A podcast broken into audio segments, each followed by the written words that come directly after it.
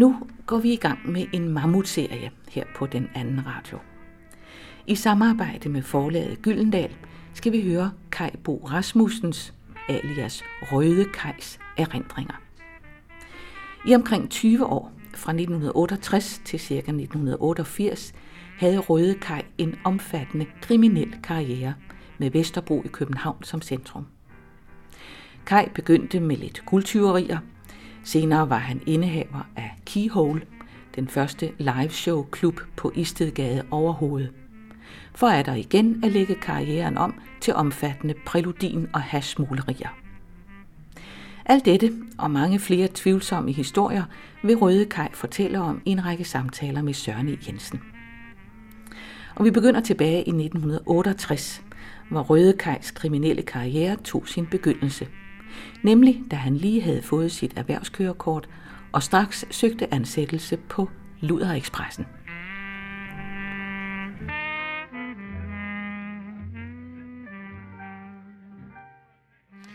Kai Bo Rasmussen, du får et erhvervskørekort i 1968. Ja, det gør jeg.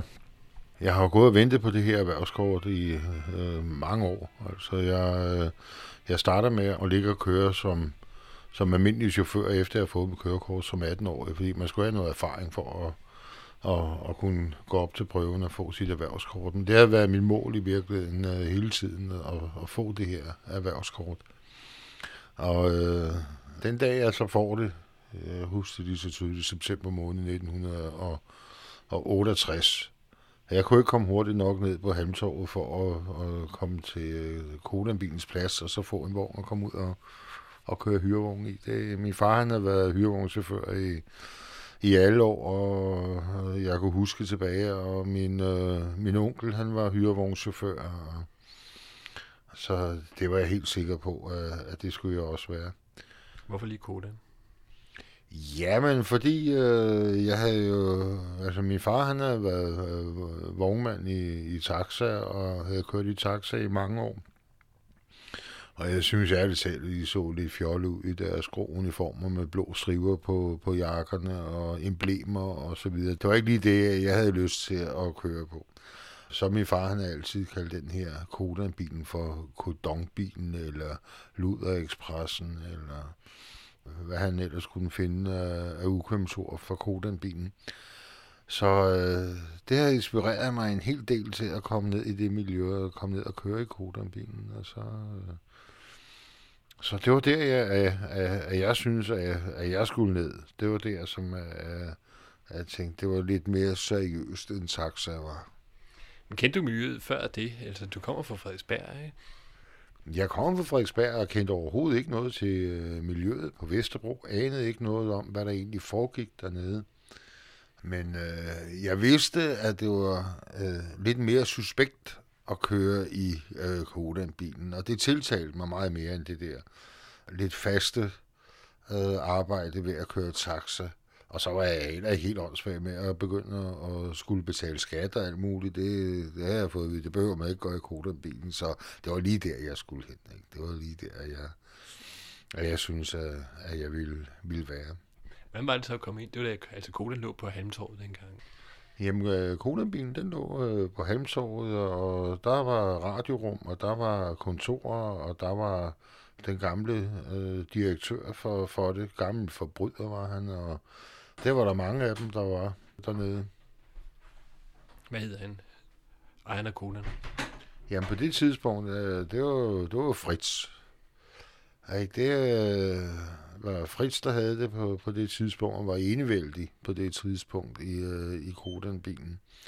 Øh, senere så var det så øh, Knud Hestehaven, der overtog det, og øh, Lille Knud og Bruno, og Bruno, som havde så et vulkaniseringsfirma, et dækfirma over på Nils Ebbesens vej.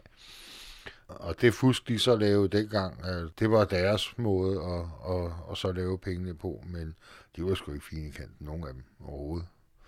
Men du kommer ind til Fritz, eller koden, hvor Fritz han øh, regerer, ikke? Jo, men jeg, jeg kom ind og fik arbejde med det samme. Der var ingen ventetid på det. Det var bare ind i gryden og derud, og ud og lave nogle penge. Ikke? Så, og det var det, jeg, øh, jeg, jeg fik, øh, som det allerførste, fik jeg en Porsche.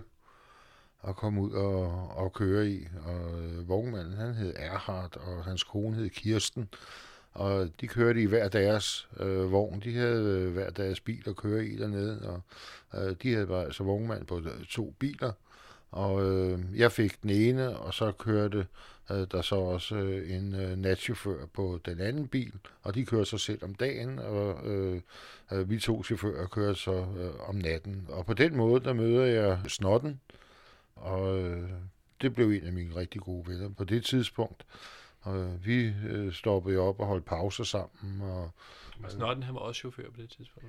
Jamen, altså, han kørte i Kodan-bilen og var chauffør i Kodan-bilen. Vi er jo sådan nogenlunde jævner, eller ham og jeg, og, og han var startet der, ikke? Og, og jeg kunne godt lide ham. Jeg synes, at han var en frisk fyr og en frisk chauffør, og øh, han havde ligesom lidt mere øh, en lidt mere frisk indgangsvinkel til, til tingene, end øh, jeg måske lige øh, han kom. Også fra Frederiksberg, men øh, var dog alligevel øh, gift med en, en sød pige og boede på Nørrebro. Og, og havde ligesom øh, havde, havde haft det lidt længere, end jeg havde. Og jeg så lidt op til ham, eller jeg så meget op til ham. Jeg synes, han var der var lidt sej gut over, over ham, synes jeg. Så ham så jeg en del op til lige i starten, dengang, at, at, at vi startede på det her. Så øh, ham fulgte jeg i, i mange år. Men der i begyndelsen, der er du bare chauffør. Jamen altså, jeg, jeg er ganske almindelig chauffør, og øh, øh, Erhard og Kirsten, de snakker ikke så meget om, om hverken skat, eller, øh, og heller ikke feriepenge naturligvis, men, men altså, i, i det hele taget øh, taler vi ikke så meget om. Vi er ude og køre, og når vi har været ude og, og lave de der 160, 70, 80 kroner, man kunne lave på en nattevagt dengang, jamen så delte vi det, der var, og så var det ud af verden. Så øh, det var en dejlig let måde at, at, at, ligesom at tjene sine penge på. Og jeg husker altså, jeg husker lige tydeligt lugten, der var i bilen. Jeg ved ikke, om man kan, kan forestille sig, hvordan er lugten inde i, sådan en hyrevogn den er, når man aldrig har kørt hyrevogn før. Det er en helt speciel lugt, at der er. Når man, I hvert fald for mig, da jeg, da jeg startede ud, det, det, jeg kan lukke, den, den lugt, det er noget af det, jeg render allerstærkest det var den lugt, der var i en hyrevogn, når man kom ind i hyrevognen og skulle køre som chauffør. Man øh, startede op sådan en eftermiddag, altså øh, det var halvlun, og solen skinnede, og den duft, der kom derindefra, jeg kan ikke fortælle, hvad det er, der kom, og hvad det, hvad det var for en duft, der var, men det, jeg glemmer den aldrig nogensinde, det var en, en god duft. Det samme næsten som øh, når man kørte om natten, og der kom øh, en eller anden, et fuldt menneske ind i bilen, der lige har stået og et hotdogs ved en pølsevogn. Det giver også en helt speciel lugt i sådan en hyrevogn. Jeg havde ikke rigtig noget imod den, øh, fordi det var i virkeligheden en, en tiltagende lugt, øh, at der var, at der, der kom ud af det. Øh, lige fra, bortset fra, når de så brækkede så der var det knap så, der var det knap så rart at, og, og, og, og lugte til, men, men ellers så, så var det en, en dejlig lugt, der var i de her hyrevogne. Det kunne jeg godt lide. I og med, at Kulenbilen ligger på Halmtorvet, så bliver det jo også Vesterbro, det er centreret omkring øh, allerede, da du begynder, ikke? Jo, jo. Der var tre distrikter, øh, fire distrikter, øh, dengang jeg startede i Kulenbilen. Øh, distrikt 1 til 4, Uh, øh, distrikt 3, det var nede omkring Nyhavn. Distrikt 4, det var på Vesterbro. Distrikt 1, det var på Frederiksberg. Og distrikt 2, det var yderområdet øh, Valby, øh, Virslev og derude. Så vi havde de fire øh, ting at køre på dengang. Efterhånden så kom man lidt ind i jargonen, og øh, man kørte meget øh, nede på Nyhavn, og man kørte meget på øh, Istegade og områderne der. Altså, man, man, prøvede, man prøvede det lidt af. Man skulle ligesom lige øh, komme ind i, hvad, hvad var det for mennesker? Man kommer fra et helt andet miljø og skal ud og, og prøve noget nyt af. Og nysgerrig som bare pokker som 21 år. Altså, man har fået en hyrevogn og en, en dejlig bil mellem med hænderne. Godt nok en Peugeot at starte i, men jeg kom meget hurtigt over, og så købte han en helt ny øh, Mercedes. Og der begyndte jeg, der faldt mit hjerte totalt for Mercedes dengang. Altså der, der tænkte jeg, det er, det, det er den bedste bil i hele verden. Da jeg fik sådan en mellem hænderne og, og kom ud og køre i den. Så øh, jeg har, har sporet til Mercedes lige siden. Men altså, du siger, det miljø Nyhavn og Istedgade, det hang jo ligesom på en måde altså sådan rent miljømæssigt sammen dengang.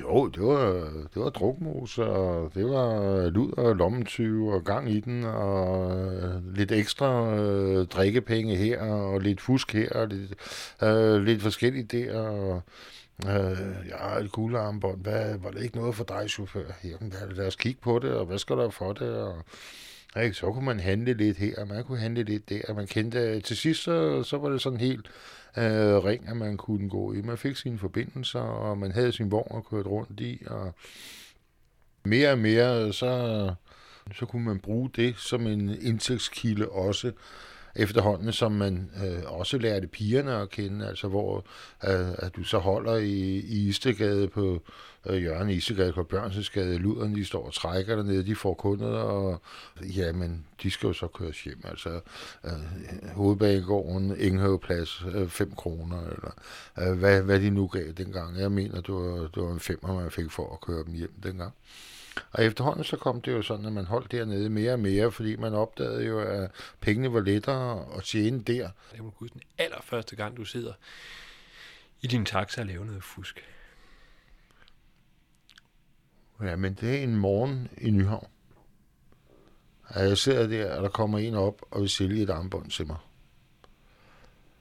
Det er det første. Det, det er den allerførste gang, at jeg overhovedet observerer, hvor let det egentlig er at tjene penge hvor let det egentlig var at, at lave øh, nogle penge her. Der kommer en til dig simpelthen med det. Der, der, der kommer en, der skal ud og køre i, øh, i hørevognen og har ikke nogen penge.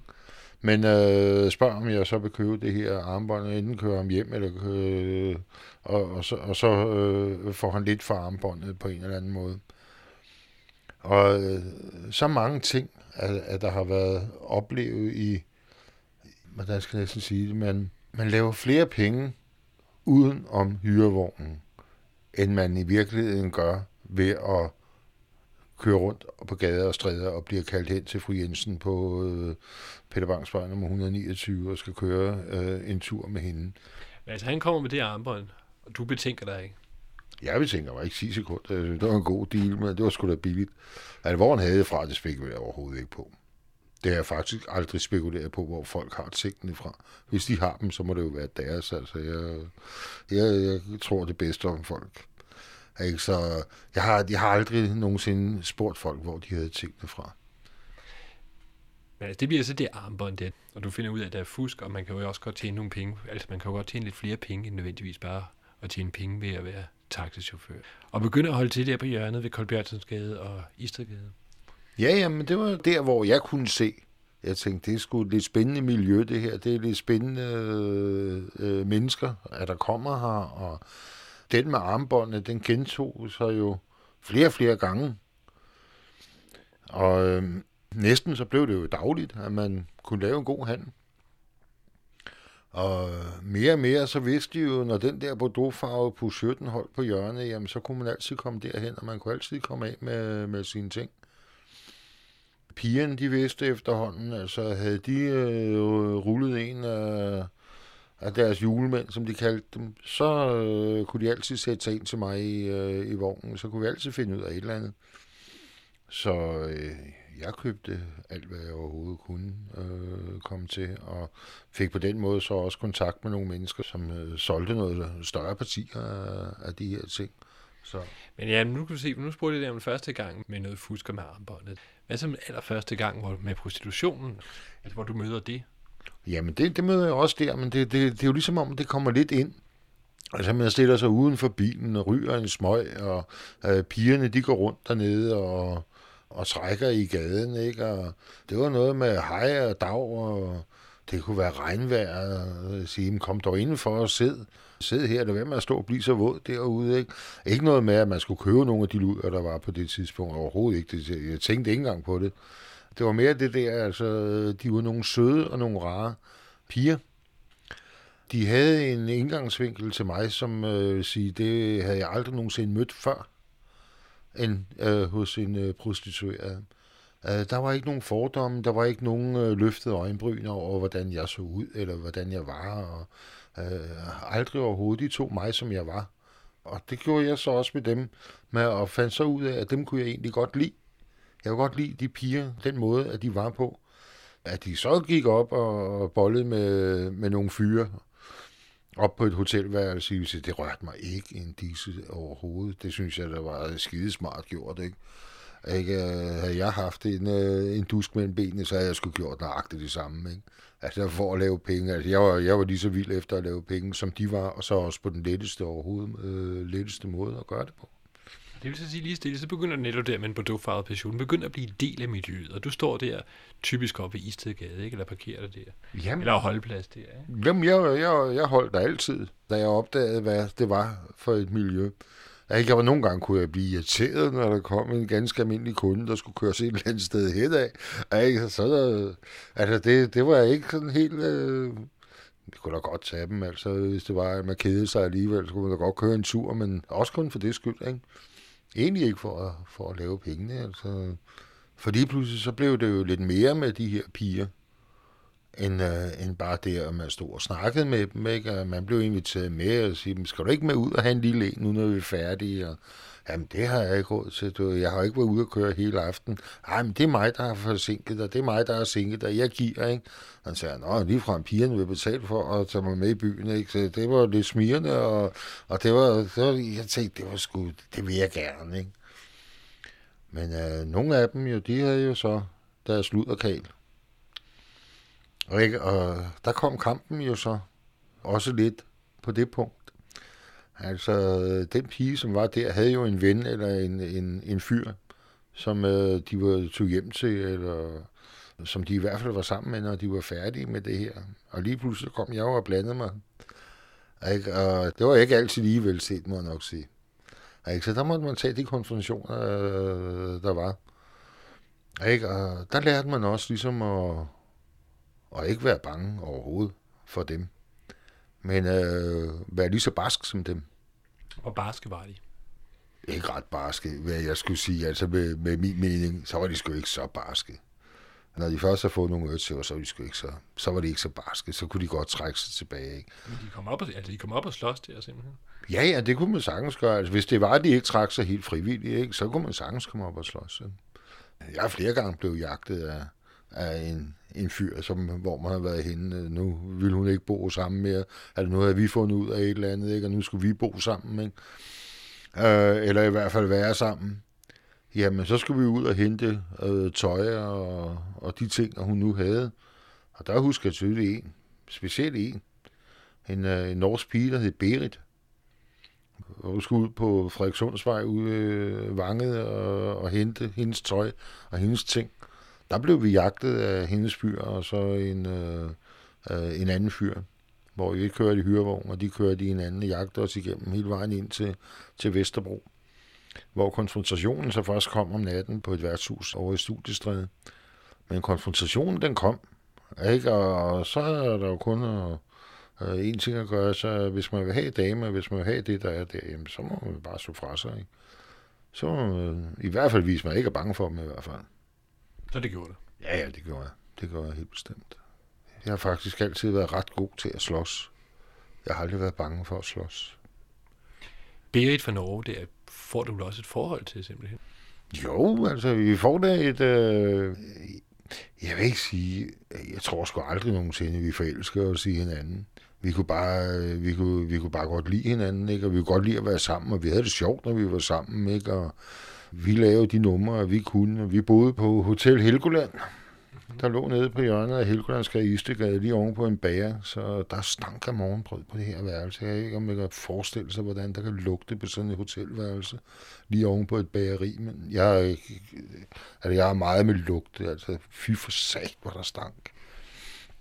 Og kom hjem og skulle sove der og være der, ikke? det var næsten noget af det værste. Bare det at komme ind på opgangen og skulle op på hotellet.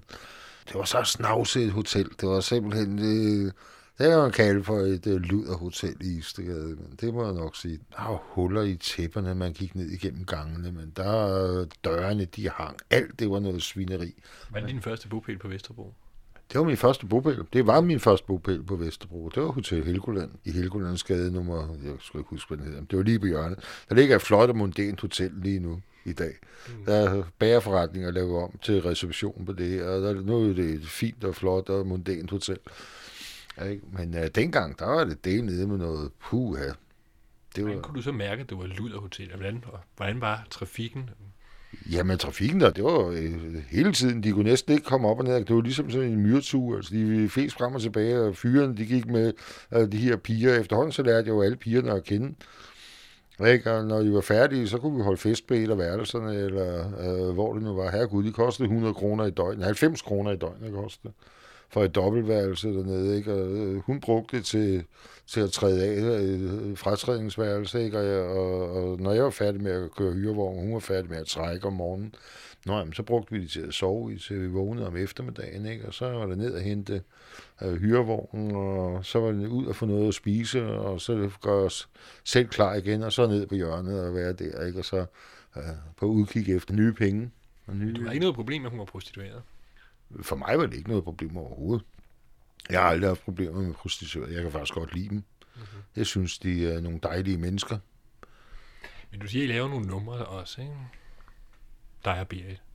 Altså hele tiden, så har vi jo kunnet lave det af øh, de mennesker, som at vi havde, havde mødt i at lave penge. Altså, hun, hun, gik jo, hun tog meget ud med biler, blandt andet. Togene står i biler og kører ud et eller andet sted ude i Sydhavnen, ikke? og så russer jeg med der. Ikke? Og det har der været flere af de andre piger, der var for Berit. Hun var bare den første af en række af, af piger, der kom jo. Ikke? Så kom der øh, andre bagefter igen. Ikke? Men øh, hele tiden, så har man jo... Øh, at de ting, der sker, det er jo det, at der bliver ringet efter en, når der er noget. Der er nogen, der har haft en pose guld eventuelt. Nogen, der kunne have et øh, stereoanlæg eller et fjernsyn, eller hvad det kunne være på det tidspunkt. Ikke? Og øh, jo flere du kender af de her piger, jo flere øh, vil jo komme og henvende sig til dig og øh, kunne kalde dig. Nu var der ikke noget, der hed mobiltelefoner dengang. Ikke? Så der blev ringet ned til centralen, og så blev der bedt om, at vogn et eller andet kom til den og den adresse. Ikke? Og det måtte man jo så gøre, hvis det var, man ikke lige holdt nede på hjørnet. Ikke? Så blev der bare ringet ned til, til coronabilen, og så blev vognen simpelthen øh, kaldt som privat opkald til adressen, og så måtte man så se, hvad der var i, i posen, ikke? om det var noget, man overhovedet gad have med at gøre. Ikke? Mm-hmm. Du siger med Berit, at hun tager ud i Sydhavnen. Jamen, det var fordi, de, skulle, øh, de havde deres aftrædelsessted ude i Sydhavnen. De havde sådan et specielt sted, det var ude ved Ellebjergvej. Hun kørte meget ud i hvert fald øh, forbandet øde sted og øh, farligt sted øh, for, for en pige at komme. Ikke? Men vi kørte jo derud, ikke? og hvis det tog for lang tid, så kørte jeg bare ind på pladsen og tændte det lange lys, og så vækkede jeg dem på den måde. Ikke? Så de kunne se, at der skete altså noget. Der var nogen, der holdt øje med det. Ikke? Altså, du var simpelthen en beskytter der, ikke? Ja, jamen, jeg, jeg var beskytter på... på øh, altså, det har jo været for alle de piger, jeg har haft med at, mm. at gøre. Ikke? Ja, altså, hvis man går ind og, og skal lege lud og kæl, så skal man også gå ind og beskytte pigen. Ja, det, det er jo i virkeligheden det, at, at man gør. Ja. Det vidste du egentlig godt allerede der. Nu er det, altså, du bruger ordet luderkage. Det vidste du med det samme, at du var. Jamen, det, det vidste jeg jo. Altså, jeg synes, øh, jeg var sgu lidt stolt af at være luderkald. Altså, at der overhovedet var nogen øh, piger, der ville give mig penge for at være sammen med dem. Altså, det har jeg aldrig nogensinde jeg været ude for. Det var noget, altså, jeg, jeg var jeg synes jo selv, at jeg ikke var særlig køn, og jeg har altid fået at vide, at jeg var lille, dum, grim og rødhåret, ikke? og øh, havde til med briller, ikke? Altså, så der, der, var der, ikke nogen, der var ikke nogen piger. Jeg altid blev afvist, ikke? Så jeg har altid brugt det der, ud at slås, ud at vise, hvem du er. Ikke? Hvor, hvor får du respekten fra? Altså, jeg kunne ikke få den på, på den vis. Jeg kunne ikke få pigerne til ligesom at kunne lide mig ved at være mig. Ikke? Så tænkte jeg, jamen, så må jeg gøre noget så må jeg gøre et eller andet, der kan skabe respekt. Det blev altså lige fra jeg var, var dreng af, det var det at slås. Mm-hmm. Så måtte jeg bare banke dem, simpelthen. Ikke? Så for at få respekt på den måde, så blev jeg nødt til at, at, at banke dem. Eller ikke, ikke pigerne, naturligvis. Ikke pigerne, vel, men altså, det har jeg aldrig nogensinde gjort. Jeg kunne aldrig nogensinde finde på at gøre. Men altså, fyrene og dem, der ville, og dem, der stillede op til det. Det, det har jeg aldrig været bange for. Ikke siden, øh, at min onkel han sagde, at, at jeg kunne. Men som sagt, altså bliver et hunde, hundeprostitueret, du lyder, Kæl. Men efterhånden så begynder selve chaufførjobbet, det begynder at fylde mindre og mindre også. Jamen, det var på grund af, at hele forretningerne, de giver faktisk mere, end det gør at køre chauffør på det tidspunkt. spilleforretningerne giver mere. Og det kan så være lige fra enarmede 20-knægte til en 7-Eleven i øh, midterkonsollet på Mercedesen. Altså, det kunne være lige så godt. Hvad vil det sige, en 7-Eleven? Jamen, det er jo altså at spille en, øh, en 7-Eleven, det er jo et terningespil, hvor du kaster nogle terninger, og så får du 7 og 11. Og ikke får du det, så vinder du, og får du øh, 2 og 3, så tager du i de første kast. Slår du en 5 eller slår du 6 med terningerne, så skal du slå det samme igen, før du slår 7 eller 11 igen. Ikke? Hvis du ikke gør det, jamen, så er du tabt. Ikke? Altså, det er et meget, meget enkelt hasardspil. Mm-hmm. Ikke? Det er næsten det samme som at sige, øh, hvis du slår en 6, så vinder du. Hvis du slår en 5, jamen, så har du tabt det hele. Og det begyndte du at spille i din taxa også? Jamen, det spiller vi alle vejen. Ligegyldigt hvor. Altså, det, du, du var bare have et par terninger i lommen, så siger om de skulle spille. Ikke? Så dækkede man det, man ville. Ikke? Man kunne bare rasle med terningerne og lægge en 100 kroner sædel op på bordet. Var der nogen, der ville være med, jamen, så kunne de dække 100 lappen. Eller noget af den i hvert fald. De kunne bare lægge en 50, og så kaste jeg. Så kastede jeg det der. Jeg tabte en 50, det var der ikke nok at ved, men jeg kan også risikere at vinde den. Og du begyndte at få den gang på værtshusen på Vesterbro? Jo, men altså, det fik jeg jo ret hurtigt. Øh, efter jeg begyndte med pigerne der, og så var min gang, det, det var mest på natklubberne, der var, når man øh, var færdig med at arbejde, når man var færdig med, at de havde haft deres kunder, og, og, og jeg selv var færdig med at ligge og futte rundt og lave det, jeg skulle. Ikke? Hvad hed natklubberne dengang? Det var blandt andet så Leoparden nede i, i Danbrugsgade. Den lå op på sådan første sal. Og det var så en, øh, ligesom en tropebar.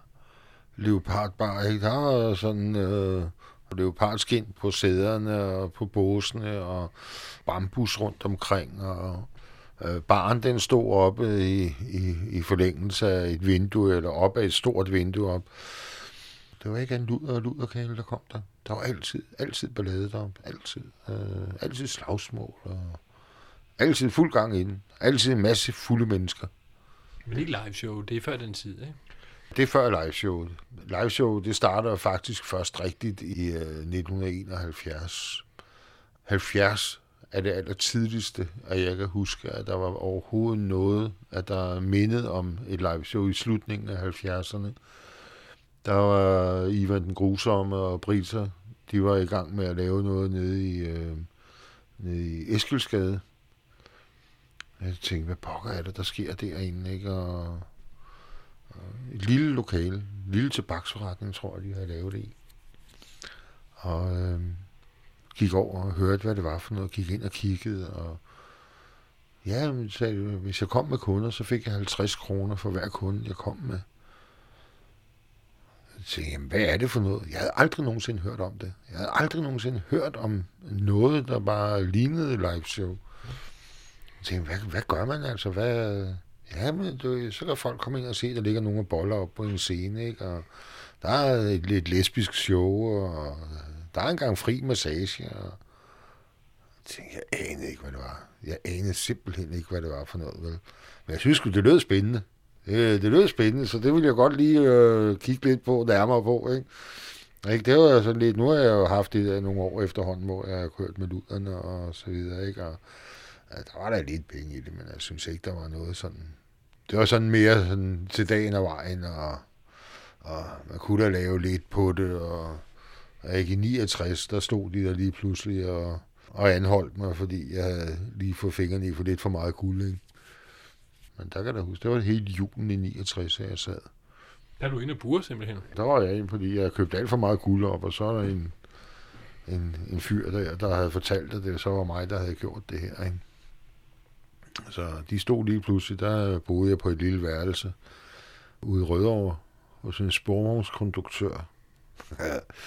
ja, så der kom de lige pludselig i morgenstund og hævde fat i mig der og tog mig med. Ja, nu må vi lige prøve, fordi det er Helgolandsgade, så det, det er det første sted, du bor på Vesterbro. Der er vi stadigvæk i 68, er vi ikke? Jo, men det, det er 68, der boede jeg jo sammen med hende i øh, lille halvt års tid, som, som det længste, ikke? og så flyttede jeg ud, så fik jeg et værelse, fordi jeg havde ikke noget sted at bo, efter at det var slut med hende. Vel? Hvordan ophørte det? Jamen, det ophørte bare, hun fandt en anden ludergal. Altså, det, stilen, altså. Ja, det var bare noget, der... Det var, hun blev træt af mig, ikke? og jeg var også lidt træt af hende. Og i virkeligheden, så var det jo hende, der nok var mest træt af mig. Nu skulle det være noget nyt, ikke? Jamen, så byttede vi lidt rundt på det, ikke? Og så, fik jeg en ny pige, og hun fik en ny fyr, og igen du, holde øje med hende, der var, øh, og tage med ud af Sydhavnen, og biler og morgenværshuse, og det samme, og det samme, og det samme, og det samme, og det samme.